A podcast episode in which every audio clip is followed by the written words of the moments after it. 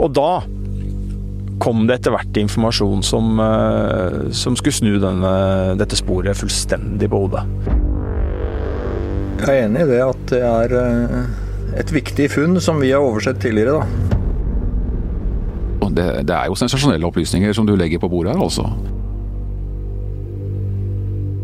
Før drapene på Orderud gård ringer det en mann til nummeropplysningen 180. Han forteller detaljer om det som seinere skal skje på gården. Dette er nå over 20 år sia. Likevel har det hele tida vært et mysterium hvem det var som ringte. Men nå har det kommet nye opplysninger. Kan 180-gåten virkelig nærme seg en løsning? Jeg heter Tor Erling Tømt Ruud, og du hører på Krimpodden i VG.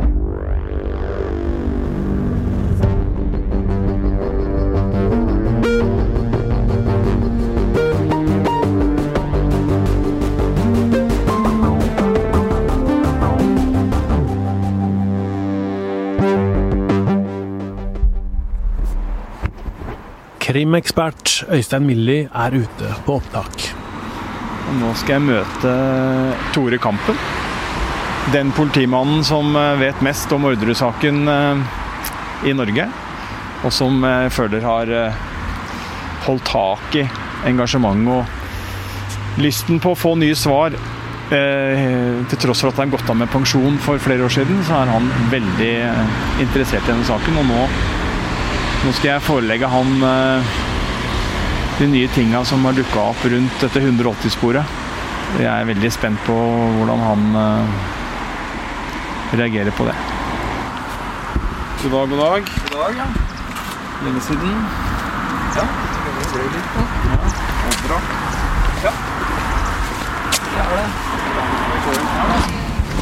Så vi finner oss et litt rolig sted her. Er jo fint lokale.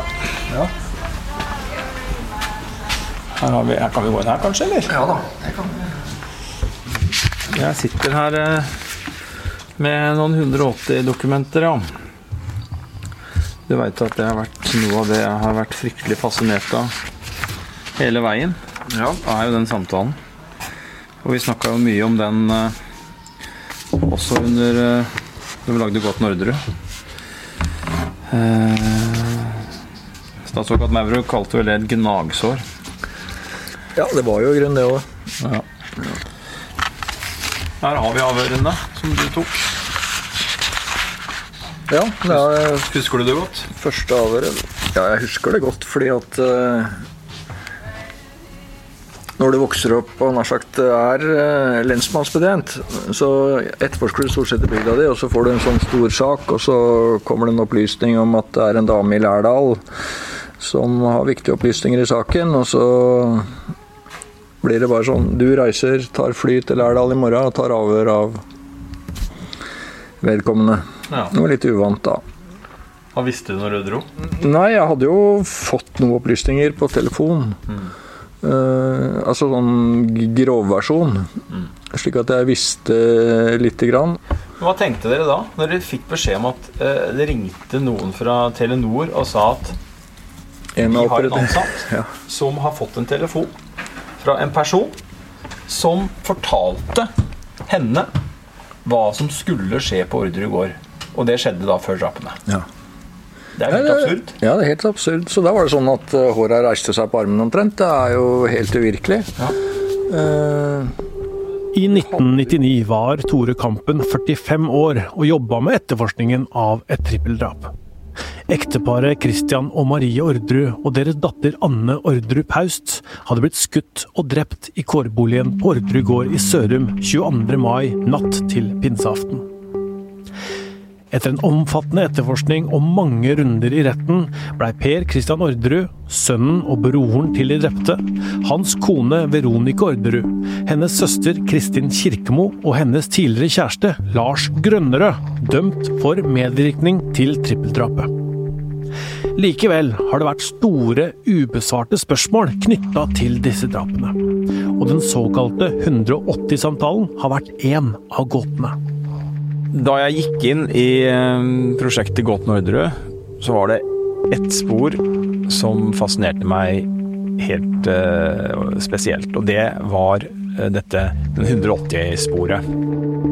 Øystein Milli har jobba med Orderud-saken siden den starta, og har til og med lagd en TV-serie. Og jeg tenkte når jeg gikk inn i Gåten Orderud at dette sporet her, det må ha et potensial for å uh, kunne komme videre i. Og da begynte jeg å jobbe sammen med de andre i redaksjonen for å finne ut av eh, om det var mulig å finne ny informasjon. Det som skjedde da på slutten, vi er helt på tampen ikke sant? Vi har lagd, vi har lagd seks episoder, og vi føler jo at vi eh, Hva skal jeg si? Episodene kom fortere enn vi klarte å jobbe. Og så, og så var det over. TV-serien var liksom Vi var ferdig. Eh, men jeg klarte ikke å slippe Orderud nå heller. Jeg har jobba med den saken i, eh, på og av i eh, ja, alle år. Jeg har jo jobba dekka under etterforskninga for lokalavisa. Jeg tror jeg gjorde en såpass bra jobb at jeg fikk jobb i VG. Jeg dekte den saken to runder i rettsapparatet. Og jeg stupte da inn i denne Godt Orderud-prosjektet som tok flere år. Og tenkte at nå, nå er du ferdig. That's it. Men nei, gitt. Det kom også en forespørsel om å skrive bok. Samtidig så begynte det å komme drypp om ny informasjon. Jeg fikk antydninger om at det 180-sporet som jeg også hadde sittet, og politiet hadde sittet og knuga på og prøvd å få til å gå opp, å si 20 år, der var det dukka opp ting som gjorde at det ble snudd på hodet. Før drapene på Orderud gård ringer det en mann med østlandsdialekt til opplysningen 180. Det var dit man ringte før i tida for å finne telefonnummeret til folk. Operatøren i andre enden har forklart at hun prater med mannen som spør etter nummer til Anne Orderud Paust og hennes mann. I løpet av samtalen nevner mannen, ifølge operatøren, forskjellige ting han veit om Anne. At hun har bodd i utlandet, at hun jobber i departementene, og at hun er på gallamiddager. I samtalen kaller han henne også stygge ting som bikkje, merr og tispe, og at hun hadde skapt trøbbel i familien. Han veit også om en leieboer på gården. Mannen sier han vil drepe Anne i pinsa. Operatøren får inntrykk av at det som skal skje, gjelder flere, for hun mener at han sier at de har lidd nok. Han sier når du sitter i stua di hjemme, så skal du få se på TV hva jeg har gjort. Og politiet vil ikke tro det er ham likevel. Operatøren noterer nummeret han ringer fra på en lapp og hun ønsker å snakke med sjefen sin om denne samtalen. Lappen blir borte, og sjefen er ikke på jobb akkurat da. Men da operatøren ser på TV, og de nevner navnene på de som er drept i Sørum, forteller hun det til sjefen sin, som igjen tar kontakt med politiet. Og da er det lensmannsførstebetjent Tore Kampen drar for å avhøre henne. Og så dro du til Lærdal? Og du møtte da den operatøren. Ja. Fortell om det. Nei, hun uh, var en uh, stille, rolig, forsiktig dame. Som uh, jeg er helt overbevist om ikke hadde gått til politiet for å fortelle noe som ikke var sant. Det var aldri tvil om at dette her var ekte og selvopplevd. Og jeg tror hun la veldig mye i å prøve å huske. Hun svarte greit på alle spørsmål og var på en måte eh, villig til å være med på å finne ut av dette her. Samtidig som hun var veldig lei seg da, for den lappen som nummeret sto på, som hun ikke fant igjen. Mm. Og, og, det er klart at uh, etterpå, sånn etterpå skal du tenke at du skulle gått til politiet med en gang, men som hun fortalte, så er det jo man skulle bare vite som utenforstående hvor mange rare samtaler man får på 180. Det er folk som ringer bare for å slå i hjel tid og er ensomme. og er, Man kan på en måte ikke Hei. Legge vekt på eller tro at alt som blir sagt, er sant. Men når hun da så hva som hadde skjedd, da skjønte hun at dette her var viktige opplysninger og hun måtte gå videre med. Mm. Og så fortalte hun en samtale. Ja. Om mannen som ringte og ja. begynte å spørre etter telefonnummer. Og ja. ble sint på Anne. Ja. Så han hadde fortalt at han skulle dette skulle skje. i pinsen, og at ingen kom til å tro at det var han. Ja, og da samla vi sammen alt hun hadde sagt, og, og fant jo ganske raskt ut at uh, vi var nødt til å finne ut hvor mange Eller prøve å finne ut hvilke samtaler som var ringt til 180. Mm. Og det ble jo et kjempestort prosjekt mm. som Rune Reitan tok ansvar for. Mm. Alle 180-samtaler, mer enn 400 000 stykker, fra påska til langt ut i mai, blei samla inn. Deretter blei det foretatt en siling, som gjorde at de satt igjen med 513 abonnenter det kunne ha vært. I et forsøk på å kartlegge hvem som kunne hatt tilgang til de ulike telefonene, foretok politiet en rundspørring. Men ingen av de 513 abonnentene sa noe som kunne tyde på at samtalen var tatt fra dem. Men to av de 513 samtalene skilte seg likevel ut. En av samtalene kom fra et budbilfirma i Svaleveien i Oslo. Mannen som dreiv dette firmaet, var samboer til søstera til Kristin Kirkemo og Veronica Orderud. Dette huset var barndomshjemmet til Veronica og Kristin. I tillegg beit politiet seg merke i en telefon fra en skole eller noe lignende, hvor en av sønnene til mannen til Anne Orderud Paust var elev. Samtalen fra Svaleveien framsto som den klart mest interessante. Men hvem kunne ha ringt? Mannen som dreiv budbilfirmaet, forklarte at han pleide å ringe 180-tjenesten for å skaffe et telefonnummer til potensielle kunder. Politiet forsøkte å kartlegge hvem, og da særlig hvilke menn, som kunne ha vært i Svaleveien da det ble ringt. Men etterforskerne klarte aldri å plassere noen innringer i det huset. Og der har 180-sporet stått, helt til nå. Da kom det etter hvert informasjon som, eh, som skulle snu denne, dette sporet fullstendig på hodet. Eh, for det som skjer da, er at vi, jeg får eh, etter hvert klarhet i at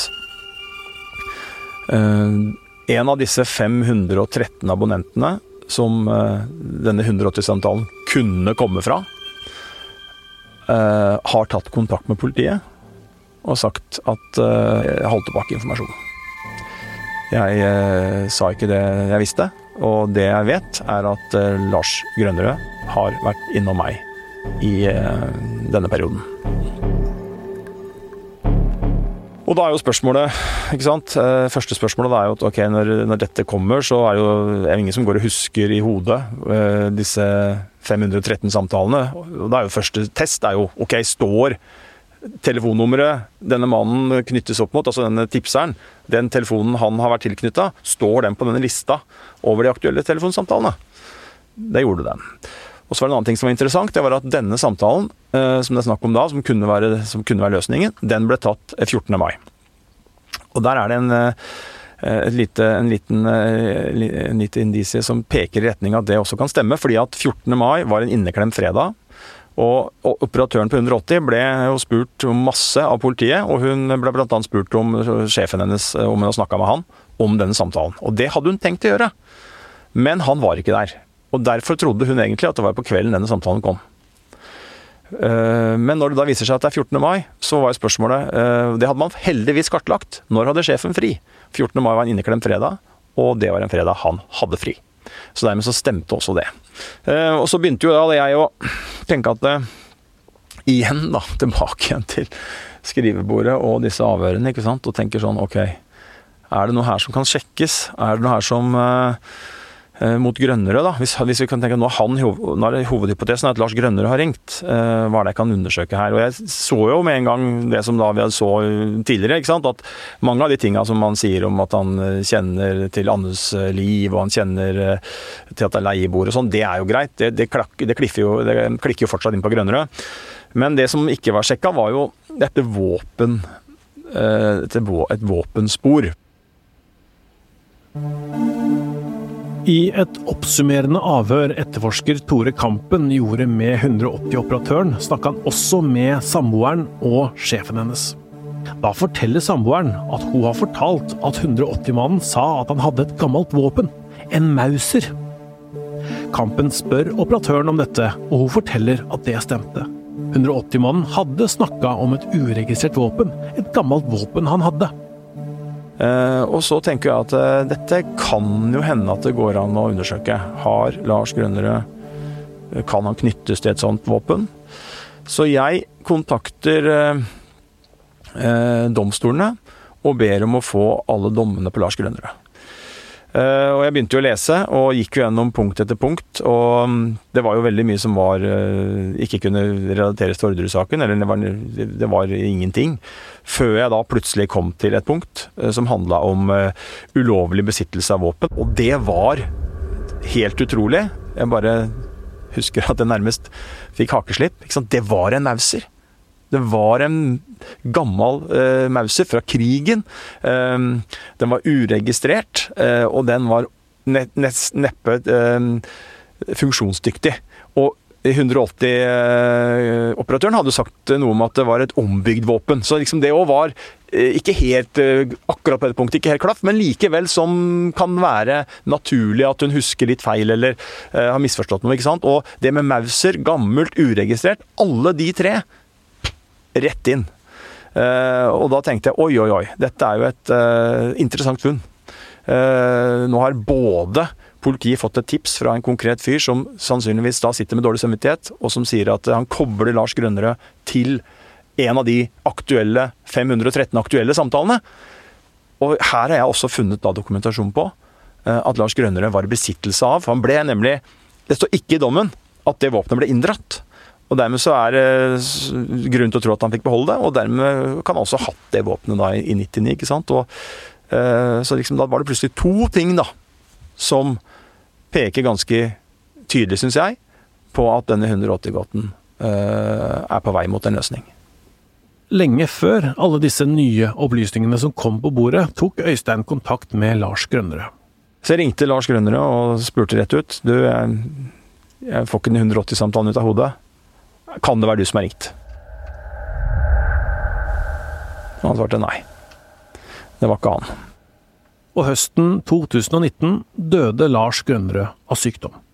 Vi får jo aldri svar på uh, hvorfor Lars ringte hvis det var han. Uh, han er jo dessverre død. Uh, og det har jo vært mye Mange har forsøkt å tolke denne 180-samtalen den har vært Og det er mange som har ulike teorier. Noen mener at det er eh, en del av en kartlegging. Eh, andre mener at det var eh, bl.a. Asbjørn Hansen i Kripos. Han har antydet at det kan være snakk om eh, at det ble ringt for å skape at, at, operatøren skulle slå alarm, og at det skulle oppstå en ny sånn situasjon som man hadde sett to anledninger tidligere. ikke sant? Både gassattentatet og bombeattentatet. Så ble det mye oppstyr rundt uh, Anne Ordre Paust. da. Sånn jeg leser det, så røper han av en eller annen grunn det som er hemmelige planer. Uh, og i og med at drapene skjedde jo, så det var jo tydelig at det var det var jo en plan som skulle settes ut i livet. Den 180-samtalen, den er jo uh, uavhengig nå om den blir løst eller ikke, hvem som ringte, så er den fortsatt et mysterium, for den er litt irrasjonell. Uh, den har rare elementer. Dette med gallamiddag, f.eks. Hvorfor kommer det opp? Uh, og Hvorfor sier han dette om at han har denne mauseren? Hvorfor sier han dette om at han har 180-mannen snakker om uh, at Marie Orderud blir, blir overraska hvis han ringer, for han forventer ikke en telefon fra henne. Altså, han sier så mye mer enn det som er naturlig å si hvis man bare er på utkikk etter å få noen telefonnummer for å kartlegge Anne Orderud Paust og Christian og Marie Orderud, ikke sant? Så, så så, så, så, det blir man Det tror jeg aldri vi blir kloke på. Uh, han, men han framstår samtidig han framstår altså hun, hun, beskriver en mann som kan ha vært rusa, uh, og som uh, plutselig ikke er interessert i å høre på hva hun sier. Han stiller spørsmål, og hun svarer, og når hun svarer på spørsmålet han har stilt, så virker han uinteressert. Når du da ringer Lars Grønnerød og spør om det var han som var 180-mannen, så er jo han sluppet løs fra fengsel, han har sona sin dom. Hvorfor svarer han nei, det var ikke meg på det? Det kan jo være for at det ikke var han. Jeg kan jo ikke si at, at, det er sånn. Jeg sier bare at det er dukka opp en del spor som tyder på Som jeg tenker trekker sterkt i retning av at løsningen er her nå. Men, eh, men eh, Eh, det er jo ikke noe tvil om at eh, alle de fire som ble dømt for drapene, er jo tatt i løgn i løpet av etterforskningen. Og holdt tilbake informasjon. Og ga også uriktige forklaringer på, på ulike punkter. Lars Grønnerød sin versjon var at han hadde tatt med seg et våpen til Per Orderud. Han forklarte at den 3. april overleverte han revolveren som blei kalt Lillegutt. En 38-kaliber som seinere blei brukt i trippeldrapet. Grønnerød har hele tida forklart at han ikke visste noe om at det skulle begås drap. Han skal bare ha bytta våpen. Han har sagt at han ikke så noe, ikke hørte noe eller hadde noe kunnskap om drapene. I herredsretten ble han trodd på det, og ble dømt til to og et halvt års fengsel. Men i lagmannsretten ble han dømt til 18 år. Han sona ferdig og ble løslatt i 2013. Og det er klart at Hvis han hadde skulle erkjenne 180-samtalen, så, og hvis det er han som har ringt, så endrer jo det hans rolle voldsomt. Og da må man jo stille spørsmål eh, om det påvirker andre ting i denne saken. 180-mannen snakker om et gammelt våpen som er omgjort, som er uregistrert, og som er en Mauser. Og i dommen som Lars Grønnerød fikk mot seg, så er det altså da en Mauser-pistol fra krigen. Ja. Og det er tvilsomt om det våpenet er funksjonsdyktig. Ja. Hva tenker du om det sammentreffet?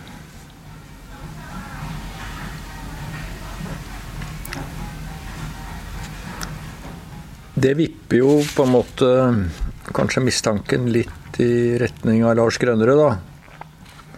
Jeg er enig i det at det er eh,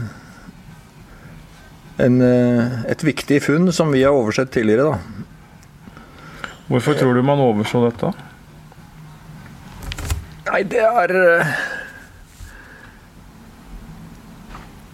Da vi fikk 180-samtalen og opplysningene rundt den, og vi da i løpet av det første søket vi gjorde, fikk treff i Svaleveien, så ble man eh, nok litt opphengt i at eh, det var den rette samtalen. Mm. Og da gjaldt det jo å plassere noen i Svaleveien som kunne ha tatt den samtalen. Men det viste seg jo veldig vanskelig. Mm. Og Lars øh, klarte vi ikke å plassere i Svaleveien.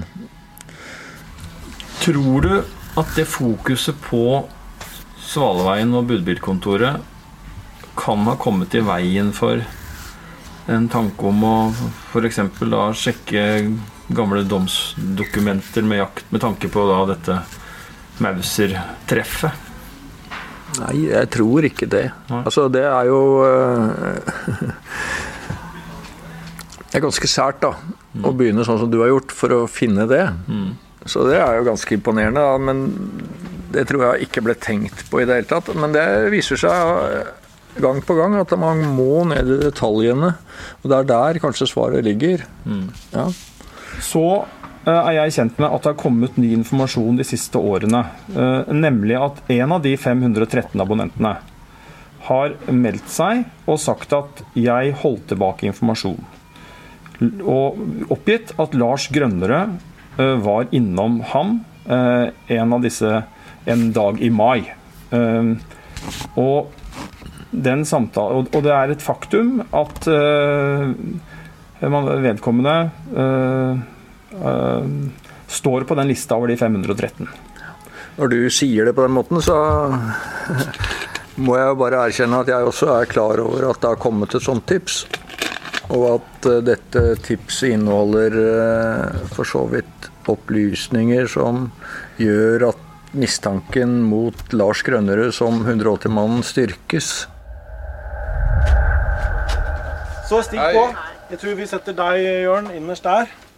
For å gjøre en vurdering av disse nye Orderud-opplysningene, har vi invitert tidligere politietterforsker Jørn Lier Horst inn i studioet vårt. Sånn. Og så Øystein der. Og jeg sitter her. Velkommen hit, Jørn. Takk. Forfatter og krimekspert. Sier så. Ja. Eh, nå, nå, dette her er spennende, for nå kommer Øystein med en bok hvor han egentlig virkelig har vært eh, detektiv. Og funnet noen nye opplysninger, noen puslespillbrikker, som kan si noe nytt, eh, mener han, da, om 180-samtalen. Så først skal Øystein bare fortelle om det han har funnet. Det som da eh, viste seg, eh, og som har ligget der eh, som en ukjent faktor i alle disse årene, er jo at i 1996 så var Lars Grønnerød i retten, og han var da tiltalt for å ha et uregistrert våpen, en Mauser, fra krigen. som han har Og som han ikke Det var ikke påstand om inndragning, så han har fått beholde det våpenet. Så han har altså da Altså 180-mannen. Eh, det våpenet han snakker om, det finner vi altså igjen til punkt og prikke hos Lars Grønnere. Og på toppen av det så har man da dette tipset fra politiet som plasserer han, Grønnere, tilsynelatende på et sted hvor eh, samtalen kan ha funnet sted. Så Ja, det er jo smått uh fantastisk nesten at det er to uh, to så, ja, at, eh, at Svaleveien er et blindspor. Det, dette er jo det som statsadvokaten har kalt for et gnagsår, denne 180-samtalen. og jeg så gjennom den episoden uh, Gåten Orderud hvor dette her blir redegjort for. Og, og det, er jo, det er jo virkelig et gnagesår, for ingen av de som forklarer seg retten der Hvorfor skulle noen av de gjennomføre en sånn samtale?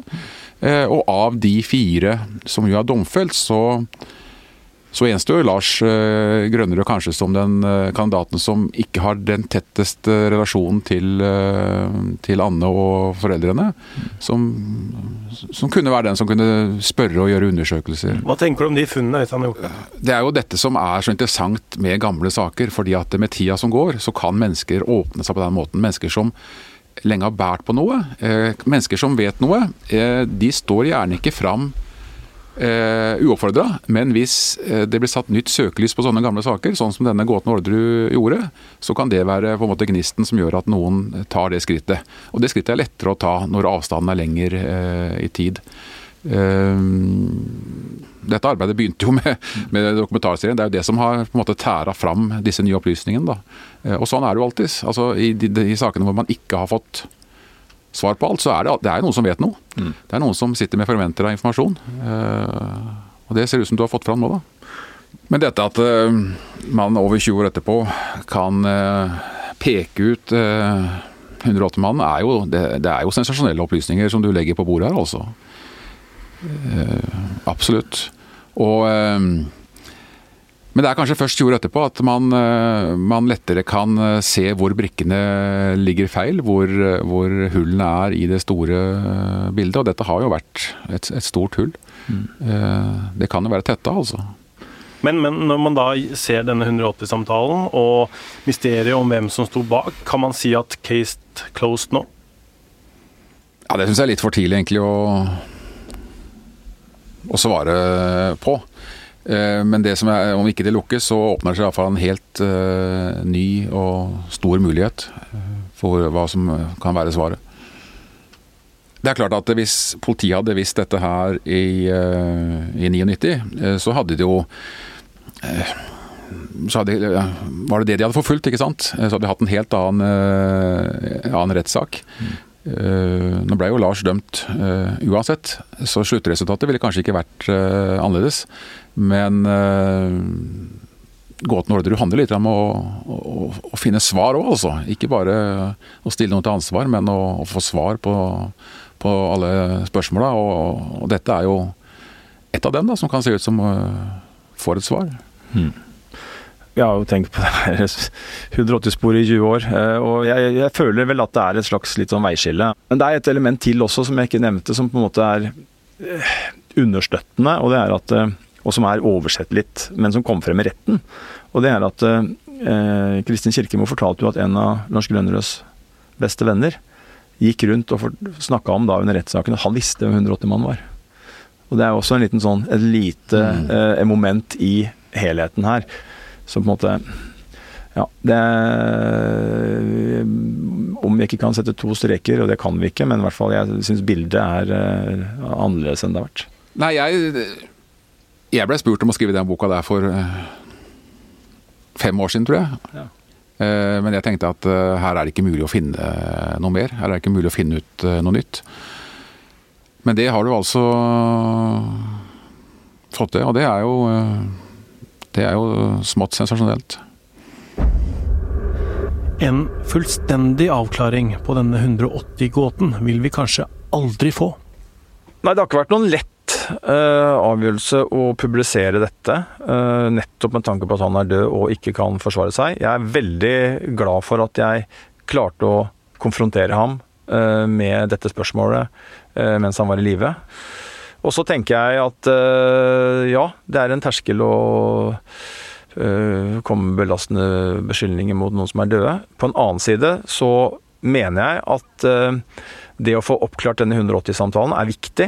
Eh, Det er en sak eh, hvor folk har fått eh, strenge dommer og med styrke nekter skyld fortsatt og hevder seg utsatt for et justismord.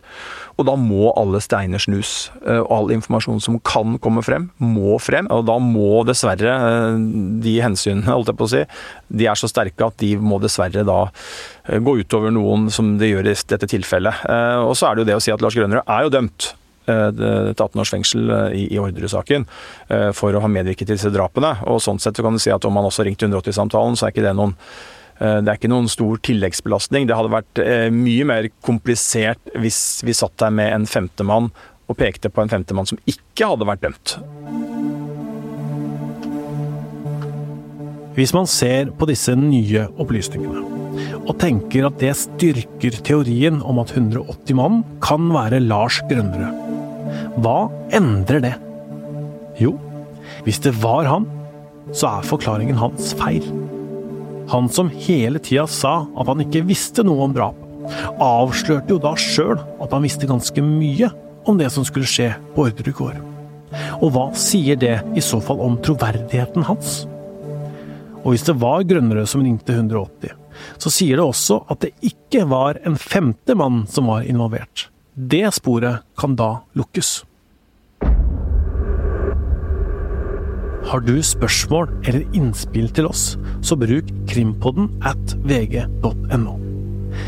Neste uke kommer det en ny episode, og da skal vi til Sloraveien, der det nå snart er to år siden Anne Elisabeth Hagen forsvant.